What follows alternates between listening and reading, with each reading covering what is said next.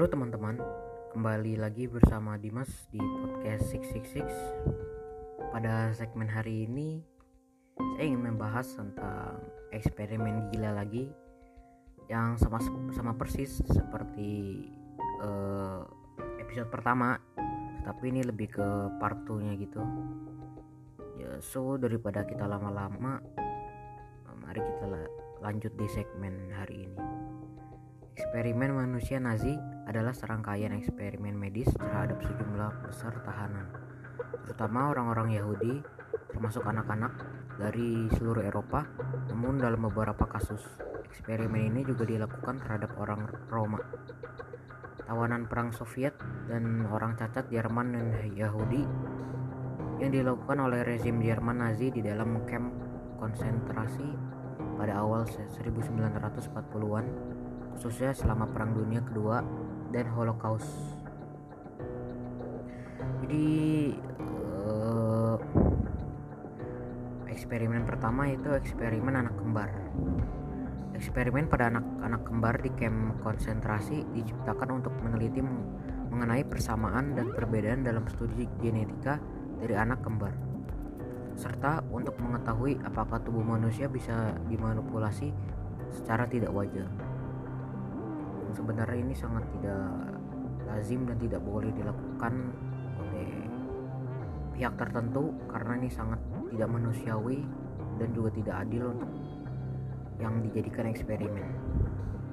Lalu yang kedua, ada eksperimen ciderak kepala. Pada pertengahan 1942 di Polandia, eksperimen dilakukan di sebuah bangunan kecil di belakang rumah pribadi yang ditempati oleh petugas keamanan Nazi.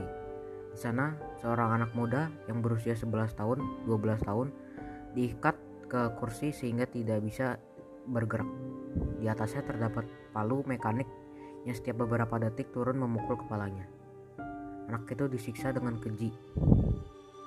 Yang sebenarnya itu sangat tidak lazim juga, sangat sadis juga, sangat brutal.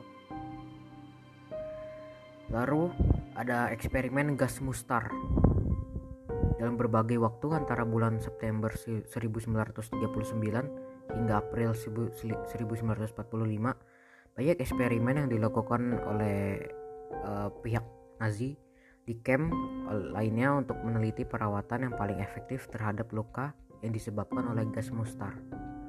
Subjek eksperimen ini sengaja dikenai gas mustar dan gas berbahaya lainnya yang akan menimbulkan luka bakar kimia parah Luka korban kemudian diuji untuk menemukan obat yang paling efektif bagi luka bakar gas mustar.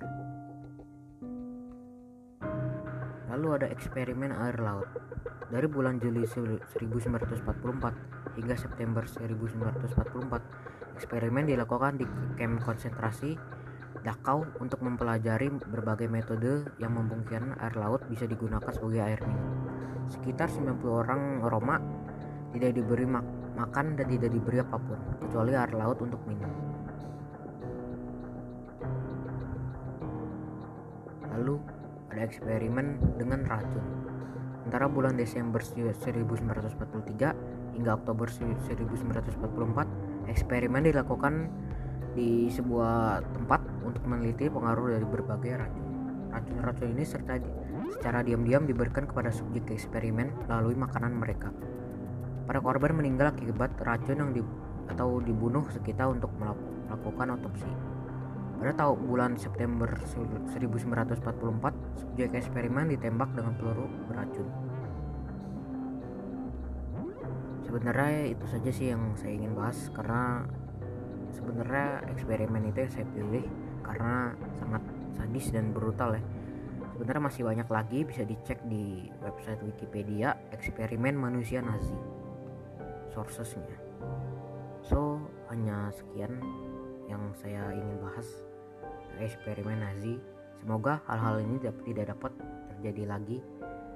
Dan jaga kesehatan. See you